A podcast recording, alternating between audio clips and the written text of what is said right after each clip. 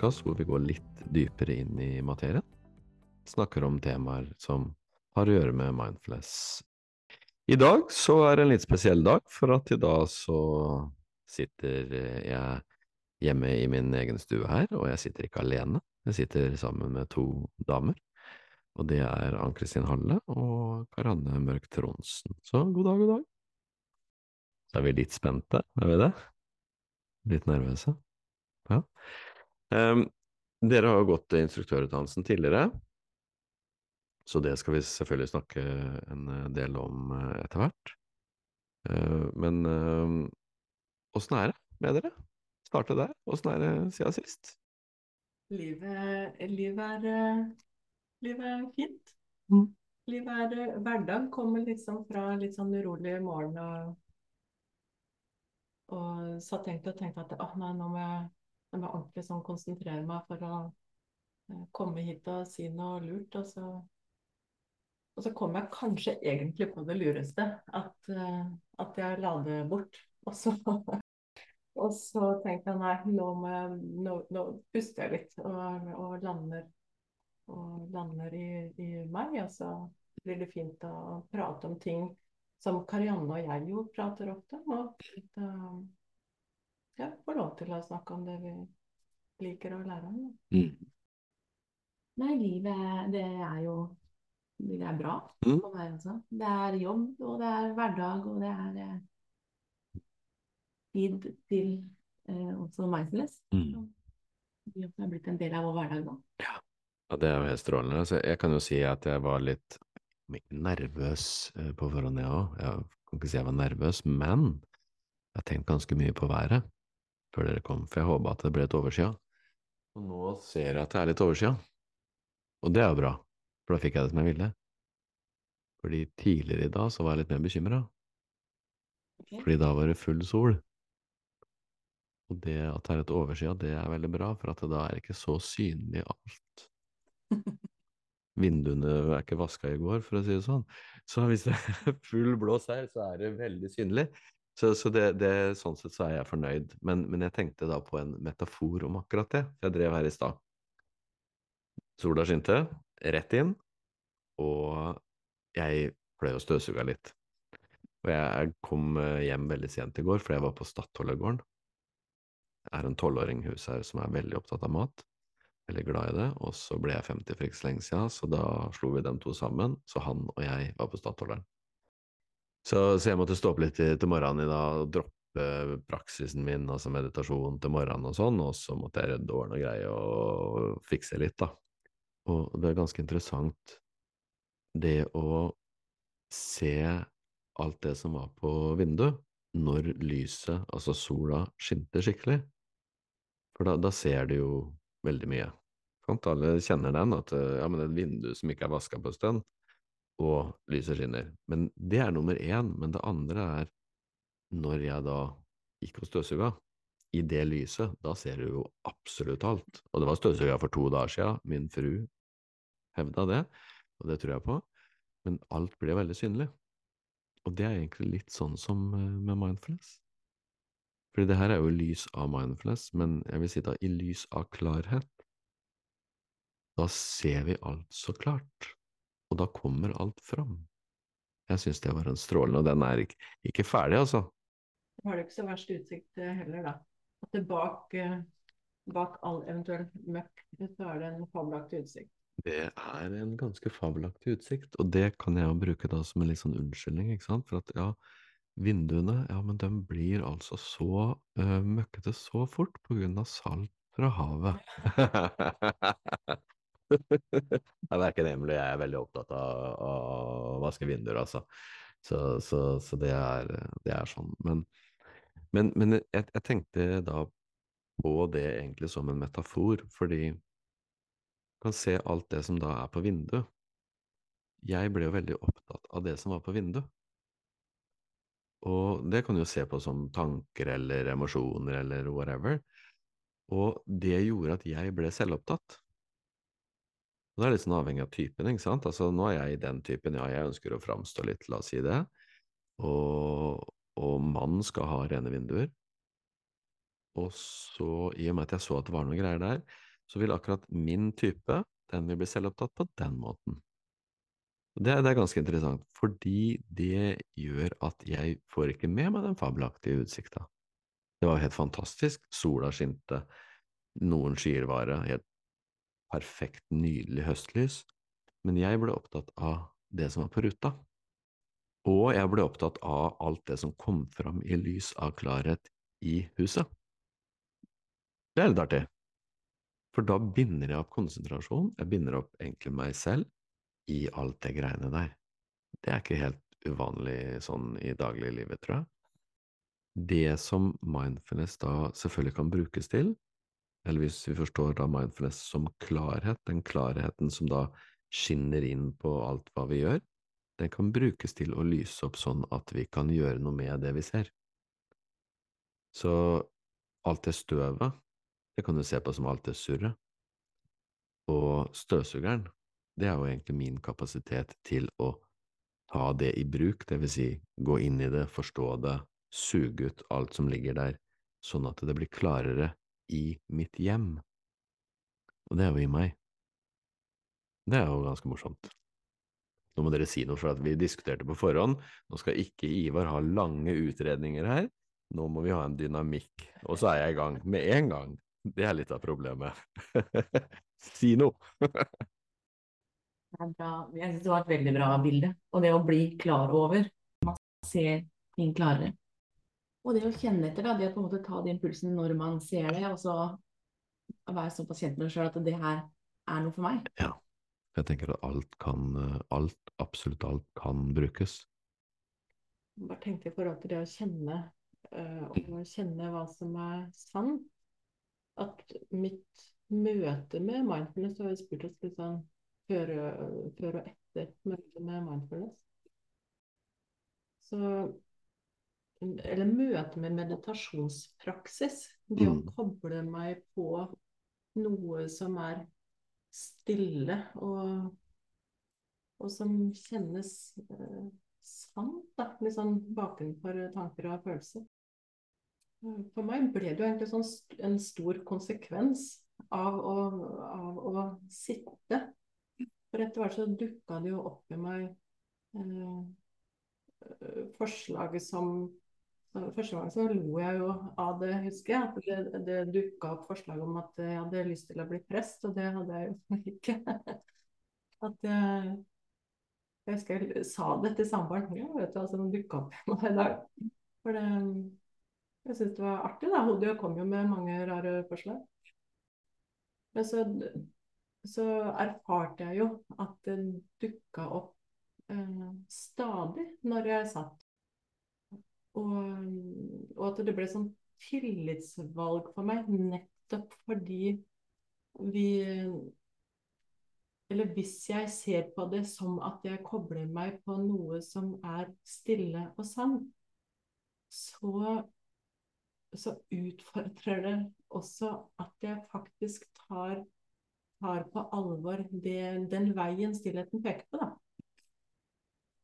Eh, så for meg ble det en stor konsekvens i livet å, eh, å koble meg på det. Jeg endte jo opp med å ta mer utdannelse og, og bli prest, selv om jeg lo av det første gangen.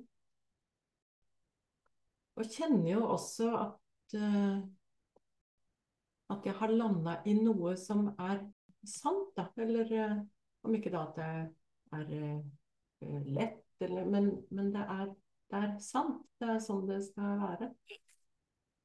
Ja. Det, det er jo veldig interessant også å kjenne kvalitetsforskjellen, egentlig. Altså forskjellen.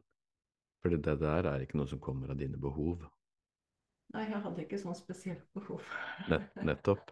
Nettopp. Og da, da er det mer noe som bare er stille. Men det krever egentlig at du følger. Ja. Fordi det ikke ga slipp? Ja. At det kom igjen og igjen?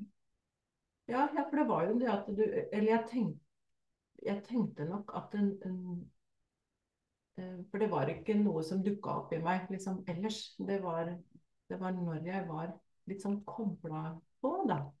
Det Ja, det som Det er mange ulike ord på det, men liksom en, en væren eller ånd Eller for meg kan jeg også si Gud om, om det. Men, eh, men det er noe med å, å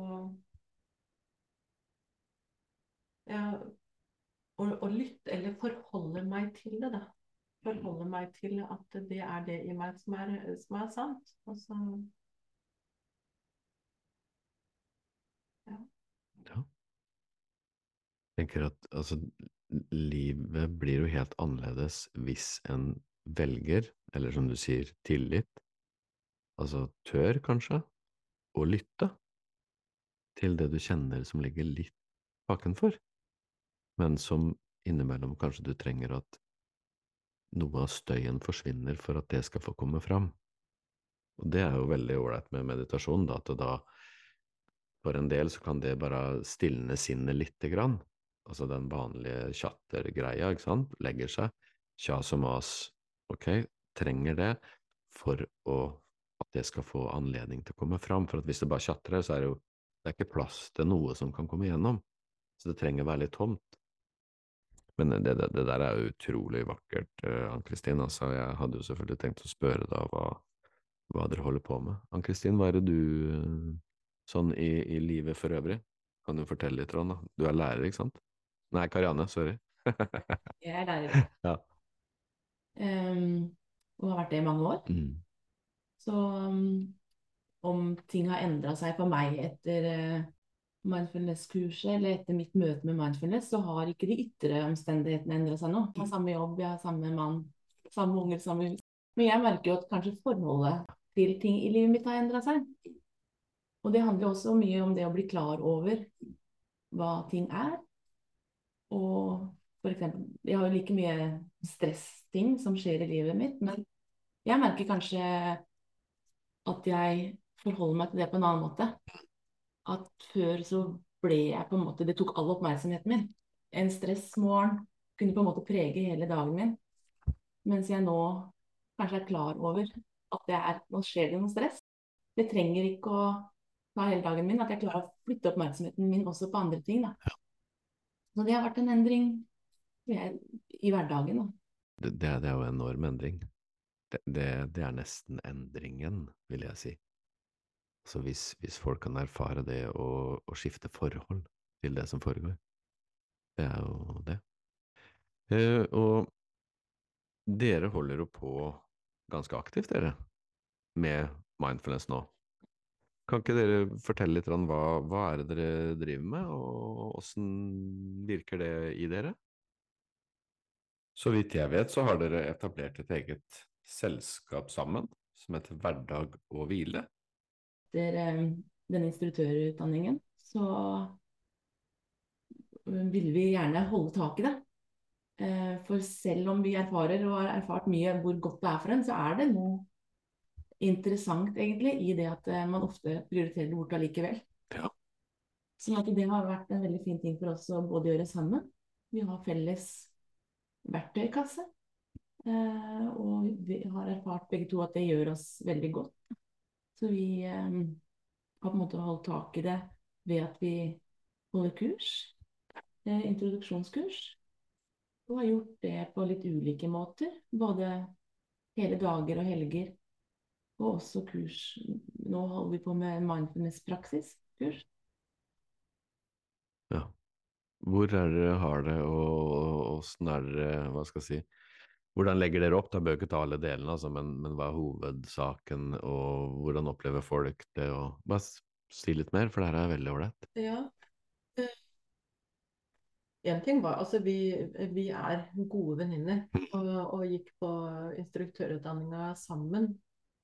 Eh, og bestemte oss ganske tidlig for at vi ønska å holde tak i det eh, sammen. For det er eh, Det å få lov til å være i læring sammen er utrolig verdifullt. Ja.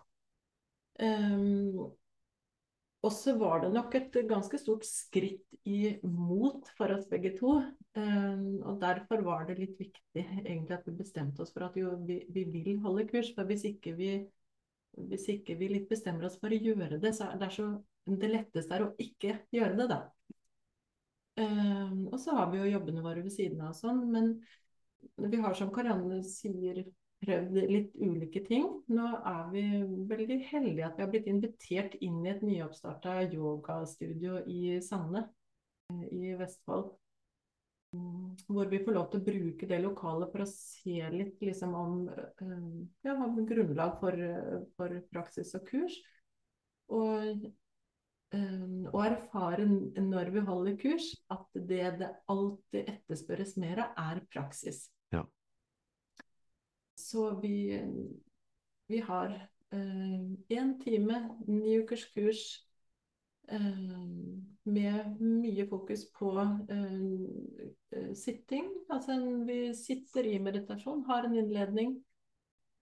Sitter kortet ned på hvor tett vi er på, på guiding, og gjør kroppsskanning. Altså Karianne er den som er flink til å holde det hele tiden eh, rent, da, som ja, og den innledningen eller den introen eller landinga, mm. da har vi ofte forberedt et tema som kan være holdninger i mindfulness, eller ting vi tenker at det.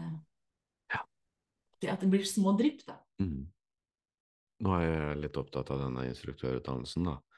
Litt inhabil òg, som alle vet. Men, men, hvordan var det når dere starta å holde kurs? Altså, var, dere typ klare? Det er jo en erfaringsreise, naturlig nok, men dere var jo også så heldige, tror jeg vi er enige om, at dere er en del av koronakullet. Så dere brukte jo, altså vi brukte jo lengre tid på å komme gjennom Altså, har det noe å si om det?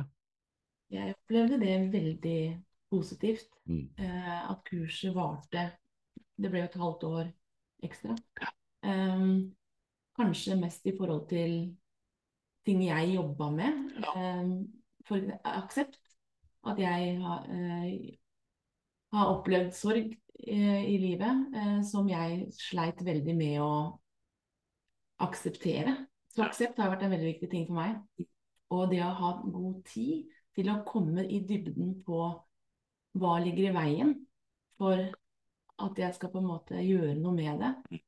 Og kanskje også ordets betydning. At jeg opplevde at aksept handla om at jeg bare skulle akseptere noe motvillig. Ja. Noe jeg ikke var enig i. Mm. Jeg burde bli ferdig med det. Jeg hadde veldig mange sånne stengsler for å komme inn.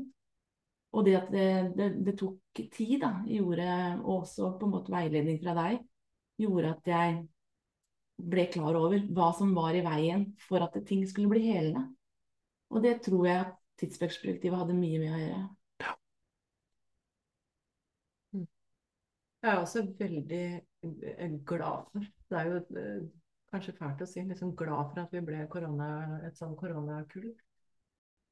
Men det, det, å få tid eh, i læringa Jeg syns at, eh, at eh, utdannelsen er klokt og godt lagt opp.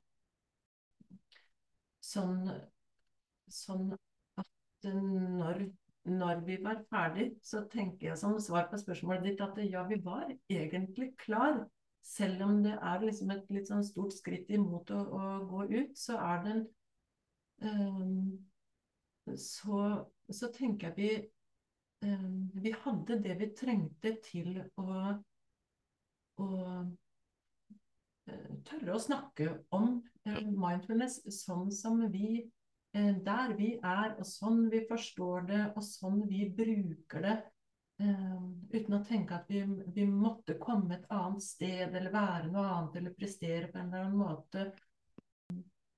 Så tar vi det med oss som et verktøy vi har fått lov til å lære om i hodet, og som også liksom får lov til å sitte litt i kroppen. Ta det med ut i sin enkelhet og sånn ja, med, med det vi kan bidra med. da. Så men det at det nå er to, toårig, tenker jeg også er, er, en god ting. Ja. Selv om det er å sette av mer tid, så det er, et, det er en god ting å få lov til å ha tid i den læringa. Ja. Det, det, det, er jo også grunnen til at vi gjør det. Det er at vi, vi ser jo at det trenger tid. Og sånn sett så var det koronakullet òg egentlig litt en vekker, fordi det ble så unisont positivt mottatt. Altså, det, det var jo vanskelig, altså jeg tenkte å herregud, åssen skal dette gå? Og, ja, vi møttes jo da digitalt, ikke sant, men relativt ofte i den perioden. Men, men det var som en unison tilbakemelding at det var ekstremt nyttig med den tida. Så, så er det jo nå også, bare for å si litt om det, altså vi, vi går jo stadig dypere. Det er bare naturlig fordi vi som er lærere, altså det skjer jo ting i oss òg. Og da er det enda viktigere med tid. Og når dere sier at ja, men dere nå bruker jo praksisen med å holde kurs på deres unike måte, så er jo det også nøkkelen her, fordi det er en utviklingsprosess som er individuell først og fremst. Så det første året nå, da, det er enda mer på personlig utvikling, og vi går enda litt dypere. Og da vil jo da den enkeltes stil kunne komme på et fundament, og det fundamentet er en dypere forståelse, rett og slett. Så, så det, det, gjør det. Det tar tid. Bare for å følge opp litt det der vinduseksempelet i stad. Jeg tenkte på det at uh, folk da, ikke sant, når det gjelder det som er på, på vinduet, la oss si det er tanker og misforståelser og emosjoner og alt mulig, så, så er det jo ganske mange som har fått noe glimt ut, og så har de sett det som skaper klarhet. Og det glimtet kan de like gjerne ha fått i å lese en bok, fått en idé om at oi, det er noe som heter full klarhet. Og dit vil de, da. Men de har bare hørt om at det er noe som heter full klarhet. De vet jo naturlig nok ikke hva det er. Og da begynner de å jobbe for da å komme til full klarhet. Og, så jeg kunne jo da stått der og gnikka og gnukka på vinduene og støvsuga hele tida, og det er veldig mange som gjør. Gnikker og gnukker og støvsuger hele tida. Men det de ikke får med seg, er at den sola, den kommer og går avhengig av vær og vind. Så det er naturen. Så jeg kan gjerne ville ha sol hele tida. Jeg kan gjerne ville ha den klarheten. Hvis jeg tenker jeg gnikker og gnukker nå, og så kom her nå, klarhet. Kom gjennom vinduet nå, for da kan jeg se klart. Men Innimellom så kommer sola fram, andre ganger så er det regn. Så vi kan ikke styre den ytre delen. Så sola er den klarheten som, som skinner gjennom. Den er alltid der, men det er ikke alltid at den skinner like klart gjennom, sånn at den kan lyse opp. Så det, det, det syns jeg var en morsom litt sånn avslutning av den um, metaforen. Mm. Men det å bli klar over hva som er um, stengsler, eller hva yes. som er før du kommer inn da, til det som er sant, og det å tørre å være sammen med det som kanskje står i veien for å komme inn til det, ja. det tenker jeg også er en ting som også tar tid. da. Ja. Og det å se at det er ting som endrer seg, blir noe annet. Mm. Det å erfare det, ja. er jo den måten man opplever at jo, det er faktisk sant. Ja ikke det hjelper at jeg er imot det, fordi at det er som det er. Det, det, det er nettopp det, men dessverre så tror jeg ofte det er sånn at eh, hvis du har lest en bok om den klarheten, så er det som da ligger og forhindrer klarhet, det er ikke pent nok. Det er ikke helt bra nok, så det vil ikke jeg ha. Så jeg vil ha bare det jeg vil ha, men jeg vil ikke ha det som er i, i veien. Og jeg vil anbefale veldig å rette fokus mot det som er i veien. Altså, jeg er veldig glad for, faktisk, det som er i veien. Fordi der ligger muligheten til å hva skal jeg si, transformere misforståelse til forståelse. Så, så blikket ditt avhenger jo av modenhet. Altså hvis, hvis, det er sånn at ja, men ja, nå er det sånn. Nå er det litt på vinduet. Ja, ja men da får jeg se på det, for jeg se om det er mulig å pusse litt. Men det er ikke stygt eller dårlig, fordi det er salt fra havet. Det kommer helt til, det. Så det er elver som renner med bare gjørme og gytte og alt mulig. Det, den bare renner. Men det er som du sa i stad, Karanne, det er jo da forholdet til det som er greia. Ta alt så høytidelig mm. med tankene som kommer, og se på det som forslag, Det er ja. ting som er der, men å kunne vende fokuset til andre ting også. Ja, det er, det er veldig bra. Eh, nå nå snakka vi i stad litt om noen innsikter og at dere har endra litt jeg si, i dere sjøl, sånn etter mindfulness. Men, men eh, Karanne, hvordan vil du si du bruker det i jobbsituasjonen sånn? Bruker du det noe der? Eh, ja. Mm. Jeg har eh, ser på barneskole. Mm. Eh, når jeg gikk på mindfulness-kurset, så hadde vi også oppgaver, og jeg hadde lyst til å prøve det eh, inn mot elever. Mm. Fordi jeg tenker også på det at når man tenker at livet skal bli sånn, eller det burde være sånn, og så er ikke livet sånn vi ofte tror, og så tenker jeg vi må jo snakke om det eh, tidligere. Så mm, jeg har hatt det i perioder. Jeg tenker Ofte så må jeg ha, må jeg ha en klasse en stund. Mm. Fordi jeg tenker også at det handler om trygghet. Det å sitte sammen og tørre å lukke øya uten å være redd for å se mann på meg og sånn. Men jeg har holdt på med mindfulness med elever, ja. Barneskoleelever, altså? Åssen gjør du det da? Er det praksis, eller er det mer at du, du bare bruker perspektiver og forståelse og prater om ting? Praksis også. Ja. Ja. Smått. Jeg har ikke lange økter. Mhm. Men jeg har ganske tett guiding. Men at vi også snakker om det med tanker. F.eks. at det er forslag. Og hvordan forholder jeg meg til når ting er som det er.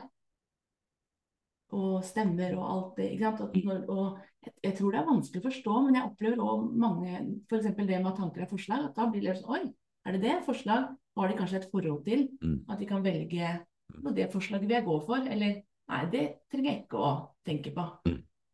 Så det å bruke litt sånne bilder, tenke på det som en sånn radiokanal som er litt irriterende i bakgrunnen, som du kan Den går og går, men du kan eh, ikke ta alt som sies så høytidelig. Det er litt sånne drypp. Ja, ja. Det, det, det høres helt strålende ut. Det høres absolutt strålende ut. Men eh, Ann-Kristine, altså du i jobben for nå, jobber du nå 100% eller du, du jobber som prest? Ja. Det som vi holder på med, eller det du har holdt på med i dette, er det, er det noe du bruker i ditt daglige virke, og er det eventuelt noe som du kjenner går på tvers av noe av det som, som da kirken i større grad står for? Det er spennende.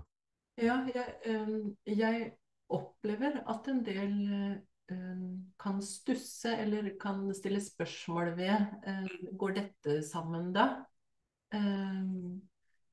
Øh, men for meg gjør det jo veldig det. Jeg tenker at Kirken kommer egentlig fra en veldig kontemplativ tradisjon. Og så hender det at, at Kirken går seg litt bort i ord. Men eh, eh, ånd og pust Mm. er det samme greske ordet. Og, og jeg eh, Ja, det hender at jeg rydder kirkerommet og inviterer inn til en time med guida hvile og en mer sånn kontemplativ stillhet. Da, hvor eh, Nettopp for å åpne opp for det at vi erfarer også mer direkte, ikke bare gjennom, eh, ikke bare gjennom ord, men, eh, men å få lov til å oppleve selv da, at mennesker kan koble seg på noe som er eh, stille, og få lov til å lande i egen kropp. Og at vi ikke alltid henvender oss til hodet. For ånd, ånd er eh, større enn eh, enn tanke og hode. Så, så for meg handler det nok mye om språk. Jeg husker jeg satt på instruktørutdannelsen og tenkte at eh, hvis jeg lukker øynene så kunne jeg faktisk vært på Mensfakultetet. Tror du det? ja, det kan du si. Ja, og, og det gjør noe med hvordan, eh, hvordan jeg også kan møte mennesker, nettopp fordi jeg tror det mye handler om språk. At vi har ulikt språk på noe som egentlig eh, vi kanskje erfarer eh, litt likt. Eh, og så kan språk hindre oss litt i å forstå, fordi vi kan ja, lett gå oss bort i at det settes punktum etter læresetninger og måter og hvordan ting skal være og fremstå. Da. Men jeg tror egentlig at vi ofte sitter og snakker om det samme, og at det er den samme stillheten vi kobler oss på. Så for meg er det en uh, fin Jeg føler at jeg utvider meg med, med mindfulnessen, og at det er en, um, en påminnelse inn i kirke, som jo er ånd. Ja. Um, det, det som forener, det forener uavhengig av tradisjon. Så det som forener, det er det samme. Kall det ånd, kall det sannhet, kall det tilstedeværelse. Det er, det er bare ett menneske, egentlig. Og det er selvfølgelig bare det er, det er bare ett når det gjelder ånd også, men tradisjonen vil gjerne ta eierskap til en form og skape regler, og sånn er det Sånn er det jo med mindfulness også. Altså buddhistisk kan du ta som et utgangspunkt i tradisjon. Altså for min del, dette er et direkte forhold mellom den enkelte, det høres ut som kirkegård, og ja, kall det ånd, da. Og ånd er er det som er stille. Og, og bare der, bare det at vi snakker om ånd Jeg, jeg regna med at du kom til å gå noe i den retningen du gikk nå. Bare vi snakker om ånd, så får vi et problem i den tida vi lever i i dag. For ånd er gjerne forbundet med sensasjoner, fenomener, energi, bilder, altså alt det greiene der som er fart i. Litt tivoli men ånd er jo stille. Og det var det du snakka om når du da satt og mediterte, så kjente du at i den stillheten så kom det fram noe annet i deg, som kanskje ikke bare foreslo, men Ann-Kristin, her, det er noe som venter på deg, og det er noe som du da antageligvis kjente at det, det bøyer deg for. Du bøyer ikke for et behov, men du kan bøye for det, og det er stille. Og det er liksom breaking news rundt omkring, altså, men ånd, er det stille? Ja, men så kjedelig. Nei, altså, det er ingenting kjedelig i det. det liv er stille. Tilstedeværelse er stille. Så tidligere jeg syntes det var litt morsomt da når du sa det med menighetsfakultetet, at uh, hvis du hadde lokka øyet, så kunne du hørt sånn ut. Uh, I mitt tidligere liv, kan jeg si, som en litt sånn rabagast, det, det, ville jo vært uh, Det ville vært veldig ille. det, og huff a meg, da. Ja, men, men, men, jeg må si det nå at Men det er jo det samme. Så, så jeg syns det er fantastisk at du i løpet av den prosessen ble prest, og du kan snakke om det samme bare i en annen kontekst. Det er bare konteksten som skifter. Jeg kunne godt Jeg hadde ikke hatt noe mot å stå og holde en liten prediken i en kirke, fordi det vi snakker om, er jo det samme. Jeg, det, det, er et, ja, det, er, det er et forhold til eksistensen, rett og slett, og det er direkte. Men hvis det er bare masse surr hele veien, masse ting som trekker, og vi bare fokuserer på møkka, møkka som er på vinduet, da, da, har vi ikke ører eller kropp eller sensitivitet til å lytte til det som er der, og som ønsker å si noe til deg. Men det får ikke tilgangen til det. Nei. Det blir på en måte som sperrer. Og det, det sier jo gjerne noe til deg uten ord. Så jeg er helt enig med deg at orda gjerne kommer i veien, og orda kobles til tradisjon. Og da er det sånn her er rett, og sånn her er feil, og dette er sannheten, og det er feil. Så ja, nei, det er eh, jeg, jeg, jeg, er så glad når jeg ser noen plakater og sånn på Facebook i ny og ne med en kjekk eh, kar. Ja, den, du tenker at det er deg? Nei, jeg tenker ikke at det er meg. Jeg er jo skinhead og en gammel, utrangert uh, type. Det der er en ung kar. Ser, men det ser liksom moderne uttrykk ut, og så er det invitasjon til meditasjon eller kontemplasjon i kirkerommet. Det er helt fantastisk. Ja. Jeg syns også det er fint, for jeg vet jo at du også har invitert inn konfirmanter til det, i Mhm. forhold til det vi snakka om i stad, med det å få det inn tidlig i livet også, som en mulighet. Da. Og til å kjenne på det, og det å være i kropp, kjenne i kropp, at det er noe annet enn å være i hodet. Det syns jeg er veldig fint at det kommer ungdom. Og så tenk også selve, hva skal jeg si, grunnlag for tradisjonen. Og tradisjonen har blitt til ord og doktriner og regler og påbud og alt det der. Men grunnlaget var mest sannsynlig en kar som da rusla rundt på jorda sånn som alle andre gjorde det. Og så plutselig så, antageligvis et eller annet plutselig tidspunkt, så var det noe som åpna seg. En tilgang til noe som var veldig dypere. Og så begynte det som da var veldig dypere, det begynte også å snakke ut.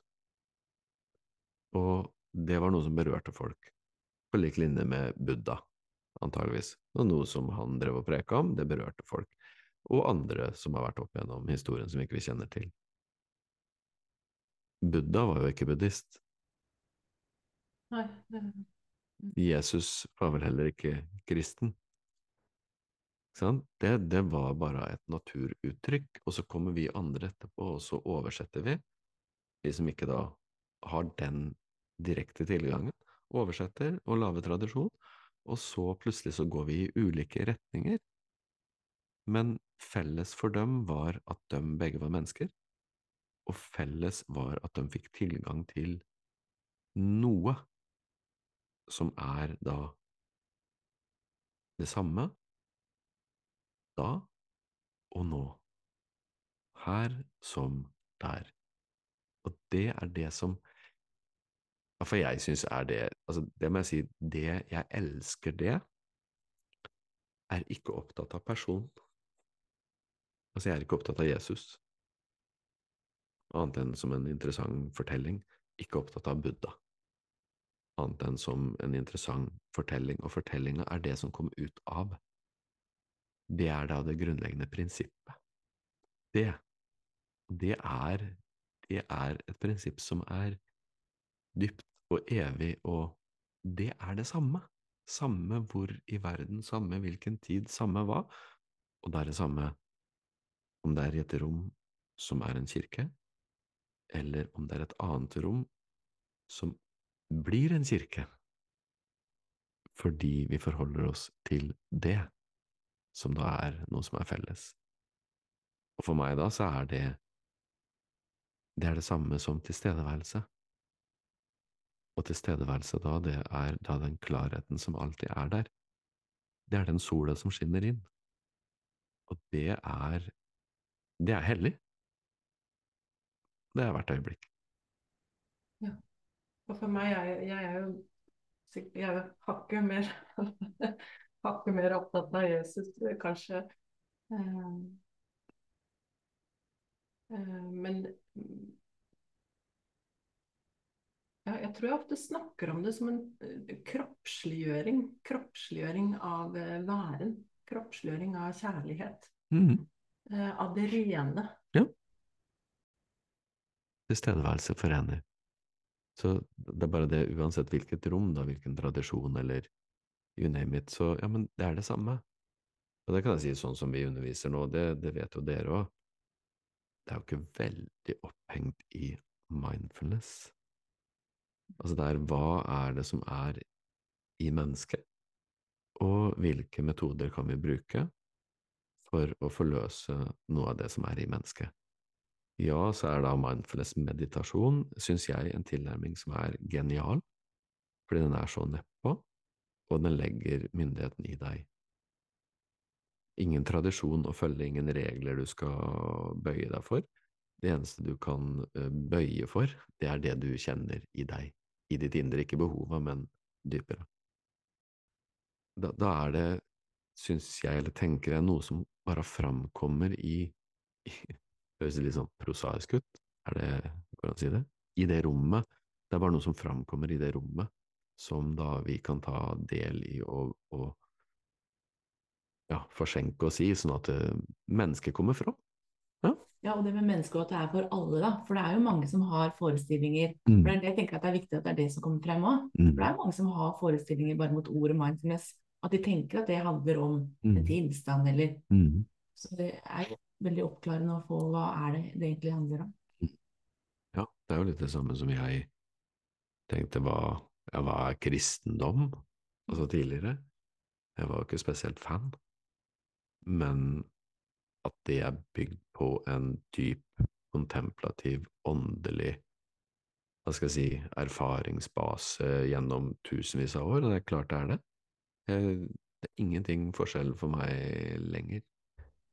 Men jeg tenkte på det bare når jeg var sammen med, med konfirmanter, altså 14-åringer i helga. Um, og vi snakka om å kjenne, kjenne det som er sant. At jeg spurte kan vet, har du en erfaring av å vite um, at du vet at uh, dette, dette skal jeg gjøre, eller dette kan jeg ikke være med på. Det, Mm. kjenne noe som sant i seg. Og det tror jeg vi bare intuitivt vet at ja, det har jeg erfaring med. Selv om du ikke kanskje kan eh, komme på en konkret eh, situasjon, så, så vet du at ja, det vet jeg. Og fordi at du kjenner det ofte i kroppen. Ja. Og det er jo lettere for kanskje barn og ungdom, og også voksne, å forholde seg til hvordan kjenner du i kroppen. Ja. Men at vi vet det. Ja, vi vet at jo, det har jeg tilgang til. Å vite at noe er sant. Det er vel det viktigste. Altså, la oss si det absolutte, da. Kall det Gud, kall det Sola. Ja, ja, da ser dere vinduene. Ja da. Å, det absolutte. Da kom sola. Ja, det, det var utrolig bra. Ja. Um, ja. Nei, men, men det Det gir seg til kjenne i mennesket som en følelse. Og det er følelsen av sann. Det er vår tilgang til det. Og hvis en mister kontakten med den følelsen, da vil en kjenne hjemløs, ensom. Og det er krise for et menneske. Men det er klart, når det er så mye som foregår, og det er så mye på vinduet, og vi henger oss opp i det, da, men da retter vi hele tida fokuset mot det, mot å få tilfredsstilt behovet og alt det der, og da er det så mye som skriker, og det skriker så høyt at det er vanskelig å høre, eller det er vanskelig å kjenne, for det er så mye vi skal gjøre, så det, gjøringa den går jo fort, ikke sant, og aktivitet og alt sånt, men det er ikke nok tid og stilletid til at det får anledning til å komme fram, og det er krise. Ja. Virkelig. Jeg, jeg tenker at hvis jeg hadde hørt på denne podkasten, så Mm. hadde jeg satt på pause når jeg liker en nå. Um, uh, og skrive ned. For meg er ofte at ord åpner opp. Jeg er glad i ord. Um, ja, det er nesten sånn at du må si det igjen. For det, det å være hjemløs Ja. i seg selv tror jeg er rett og slett en ganske vanlig følelse for mange. Ja. Det, en, en, en opplevelse av å ha gått fra eh, uten at jeg helt vet eh, hvordan eller når, eller, men jeg bare vet at, eh, at jeg vet at jeg er hjemløs i meg selv. Det er, det er som om det er noe som jeg vet er der, men jeg savner det så inderlig. Men jeg vet ikke hvor. Og jeg vet ikke hvor jeg skal søke. Nei. Og hvor søker jeg da? Da søker jeg der jeg vet jeg kan søke. Der jeg pleier å søke. Og det er utover. Verden venner jeg meg til, så For jeg, for jeg må ha speiling. Hvis jeg er hjemløs, ja, men da har jeg ikke noen følelse av egentlig meg selv.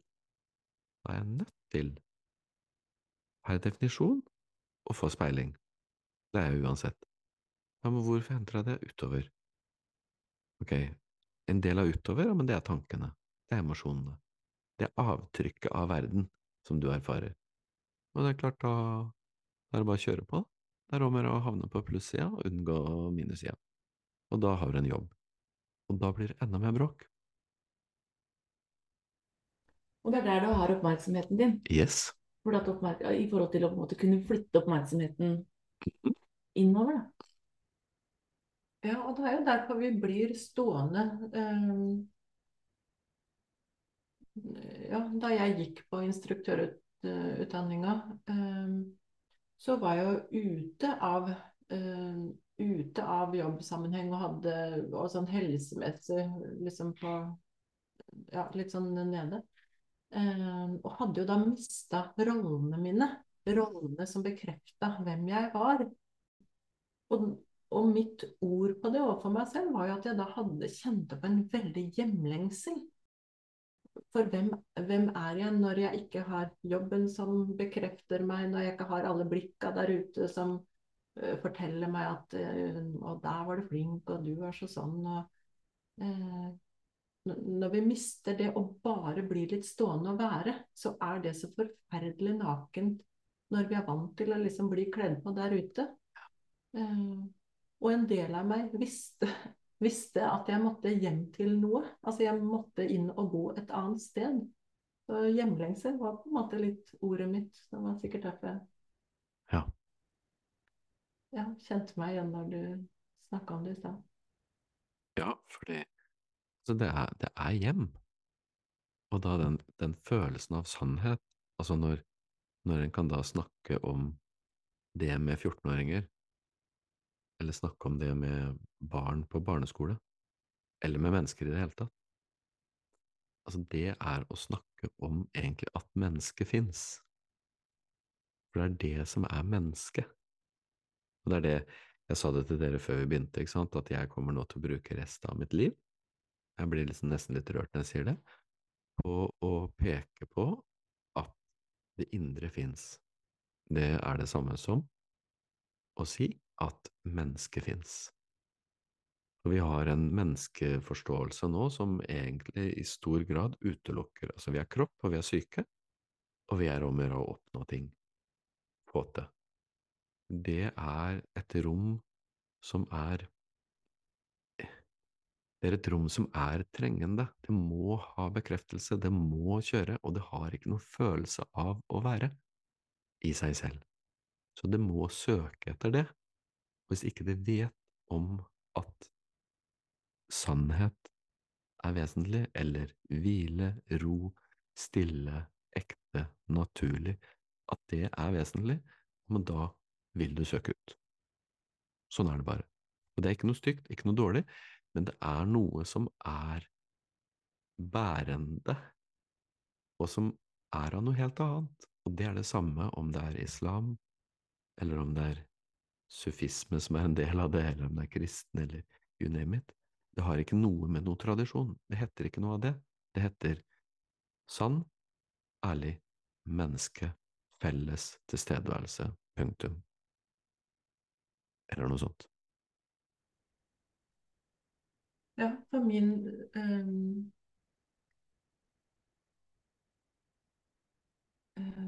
Når du spurte litt sånn hva hva har vi tatt med oss, liksom? Eh, eller er det noe liksom før og etter møtet med, med mindfulness? Så har du mange ting jeg egentlig kan snakke om. Eh, men det det Men alt handler egentlig om Eh, en annen forankring. At jeg bor et annet sted. Og fordi jeg vet at jeg bor et annet sted, så endrer egentlig alt seg. Yes. Og så, øh, hender det jo at jeg glemmer det, og syns det er supert å søke litt tilbakemelding og, øh, og drukner i tanker og følelser og sånn. Men jeg vet det allikevel. At jeg bor et annet sted, at jeg er hjemme, da. Ja, det er menneskelig.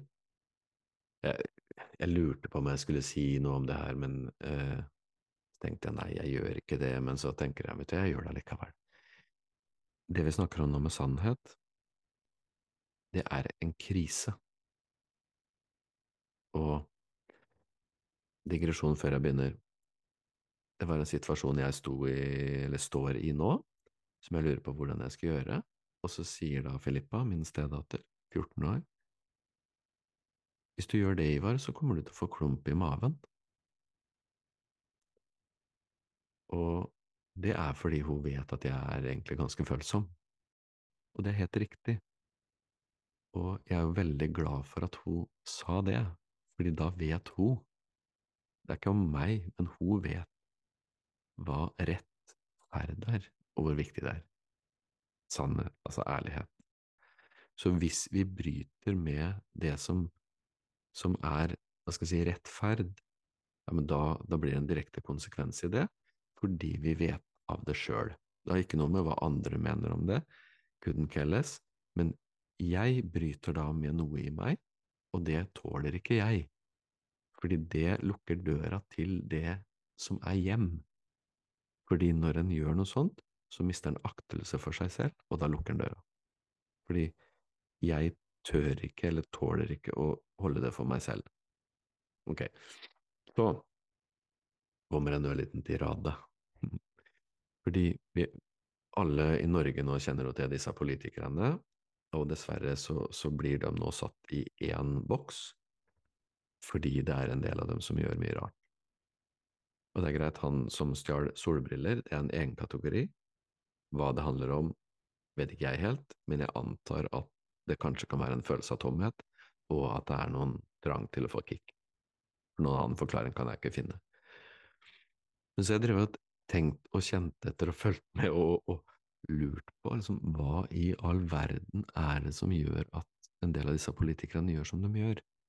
Om det er Borten Moe, eller Trettebergstuen, og Brenna vet jeg ikke helt hva har gjort, men noe var det der, eller alle dem som ikke vet hvor han bor. Altså alle de pendlergreiene. Ja? Og så har du da til slutt noe Huitfeldt, som jo da røk, ikke sant, og så har du Solberg. Og så har du Callen hennes og hele, hele etablissementet, tenker jeg. At hvis, eller når noe skjer, så kommer det gjerne til og med administrasjonen og sier at det med regelverk er litt vanskelig. Så de, de er også vanskelig for å forstå regelverk. Okay? Så, så, det er veldig merkelig, for de skal være oppegående folk, og de er betalt ganske godt for å, for å fungere, da. Så jeg har liksom tenkt på det, hva i all verden er greia? Jeg tror rett og slett at greia er at det de blir hylla for, det er å sørge for at det de har lova at de skal gjøre, henger sammen med det de faktisk gjør.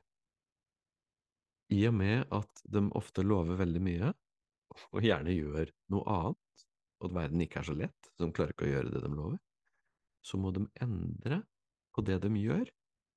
De må endre fortellinga om det de gjør, sånn at den passer til det de har lova. Og det de egentlig driver med da, som de blir hylla for, det er i stor grad å tilpasse informasjon og tildekke denne informasjonen med løgn og bedrag. Det motsatte av sannhet.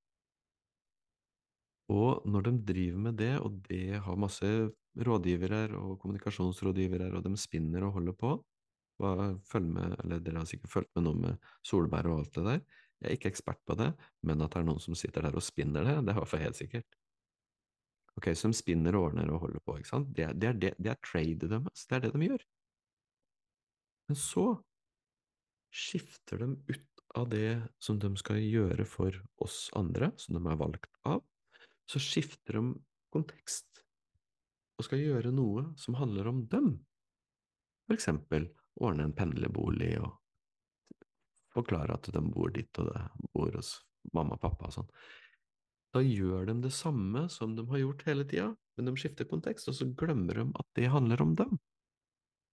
Og så blir de jo tatt med buksene nede, og så prøver de å spinne seg ut av det, og forstår ikke hva er greia, hvorfor var det et problem. Jeg gjør det bare sånn som jeg pleier, men de hadde ikke fått med seg at ja, men du kan ikke gjøre, du kan ikke drive med det lurerigreiene dine når det gjelder deg, for da er det du som får fortelle, det går ikke. Og det skiftet kontekst tror jeg da er det som skaper problemet for dem. Og det at de blir tatt med buksene nede, er ikke et problem. Problemet er at alle vi andre, vi mister tillit. Det vil si at det vi mister, er følelsen av at noe er sant. Så sannhet oppløses, og da har vi ikke trua på noen av dem. Og da er vi ute å kjøre, altså, som samfunn òg. Det er noe i jeg mener nå driver og foregår, at nå driver Altså, sannhet driver og løses opp. Det er ikke bra. Det er veldig ikke bra. Så for dere politikere, skulle være en politiker som hører på, altså, sørg for rettferd. Folk får med seg. Om ikke de forstår alt lureri, de får med seg om dette er sant, eller om det ikke er sant. Og hvis det bare er det motsatte av sant, da blir ikke det bra. Og for dere som lever i det, det er veldig synd, da, for det høres ut som alle politikere er sånn, og det er de jo ikke. Det er utrolig viktig for deg. Løgn, du vet om du gjør det. Sannhet, du kjenner det når du er det. Det var en liten tirade. Vi får se om den blir med. Men jeg, jeg, tror, jeg tror at den analysen faktisk holder. Men jeg tenker jo at det må også tidlig inn. For jeg tror mange ja. mennesker har det sånn, og det er derfor jeg brenner litt òg i forhold til å få det inn og kjenne etter og bruke tid på hvordan kjenner du det i kropp. Ja. Fordi at man kjenner en klump i magen eller kjenner ofte i kroppen hvis det er noe som ikke er sant for deg. Ja. Og det å ha fokus på det istedenfor å bare bli dratt med alle forventninger og alt som er der ute, det tenker jeg er viktig at kommer inn tidligere i livet enn det det ofte gjør. da. Ja, at det, altså hvis en kjenner til sannhet, ja, men da kjenner en til menneskelighet. Hvis en mister kontakt med sann, da mister en kontakt med menneskelighet. Da er det så lett å gjøre så mange andre rare ting. Så ja, det, det henger veldig godt sammen. Eh, det er menneske eller ikke menneske. Ærlig eller løgn. Og vi vet forskjellen. Så, så, det er jo ikke sånn sett Det er jo ikke noe sånn ekstremt dypt hvis vi bare tar vekk papiret. Altså, vet du når du handler sant? Vet du når du lyver? Altså, vet du hva ærlighet er? Vet du hva uærlighet er? Altså, ja, det ja. Kan du se om du kan ta det i bruk, da? Yes, skal vi gå et hakk videre inn i Dere har med tema, ikke sant? Ja? Ja. Hva er temaet? um, vi har lyst til å snakke litt om det å være sammen i læring. Um, ja, både det, altså det at vi tok utdannelsen sammen, var jo Eh, ja, var veldig fint for oss. Eh, og det å på en måte ha det samme verktøyet Nå er jo vi heldige som har hverandre. Eh, men jeg tenker òg du kan jo være sammen med læring som en type podkast. Ja. Det å koble seg på fordi at selv om man vet om verktøyet, så opplever i hvert fall jeg at når jeg opplever stress, da, eller ting er utfordrende, så kan ved at jeg kan ringe til Ann-Kristin og prate med henne, så kan hun minne meg på hva om du ser det på Se på det som skjer med vennlighet. Mm. Hva om du ser og tenker at istedenfor å gå til høyre, hva skjer hvis du går til venstre? Ja. Det å på en måte ha en refleksjonspartner ja. som kan det samme, at vi kan minne hverandre på det, gjør også at vi er i læring sammen. Og det det, og du kobla jo litt sånn i utdannelsen òg, liksom satte oss opp med en læringspartner. Mm. Uh, og, og, både det å måtte finne litt språk på uh, hva jeg lærer, og, og baler med uh, å si det høyt til noen andre. Men det er som Karianne sier, at, at jeg vet Jeg har jo mange, mange ganger ringt til Karianne og sagt nå er jeg her igjen. Mm. Ikke sant? Med,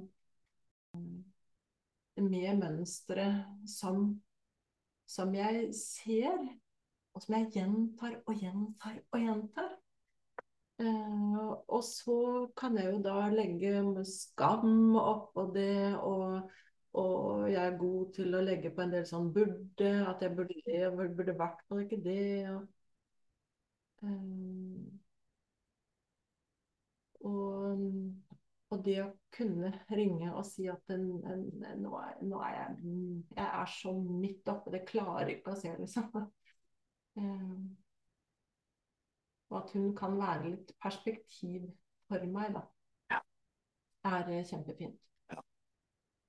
Um, og det å Altså det å være i, i læring sammen er jo Jeg vil snakke om det å være menneske. Liksom at det er jo å være menneske sammen. Og, og dele liv og vei. Og, og det gir ja, gir et annet perspektiv på det. Og, eh, og det er jo det er jo interessant å snakke liv med alle mulige mennesker. Og så er det ekstra fint å gjøre det med Karianne, som har eh, som har en forståelse og et språk som ja, som også hjelper meg i, i min læring. Da. Lytterne, kan hende at dere hører litt bråkelyder her nå. Det er søppelbilen som er uh, ute og kjører. Så vi er også sammen med søppelbilen. Ja.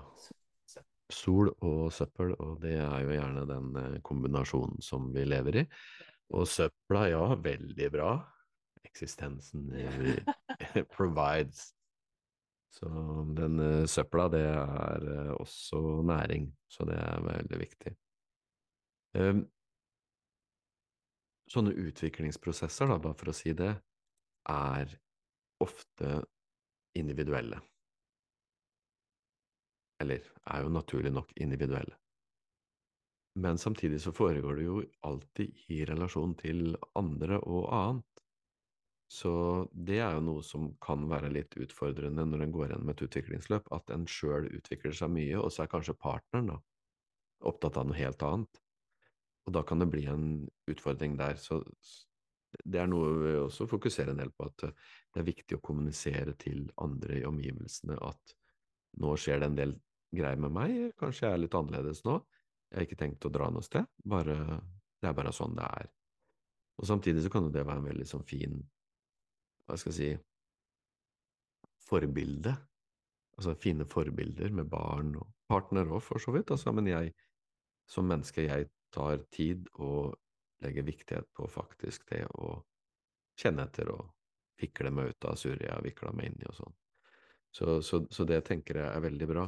Samtidig så er det umulig for omgivelsene å unngå den type pregning, altså unngå utvikling, dem også. Fordi når du utvikler Yes. Yes. Ja.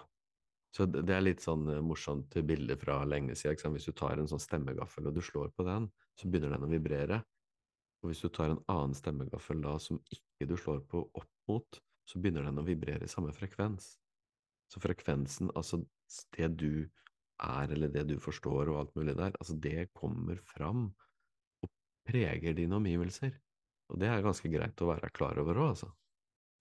Um, jo, det at det kan være um noe oppmuntring. Når man holder på å vikle seg ut av det man har vikla seg inn i, så er det jo ikke alltid at det er kjempegøy. Men, eh, men jeg husker du snakka om det som det å tåle å stå med beina i dritt. Og når du står der lenge nok, eh, så, så får du på en måte gjødsel, da. Mm.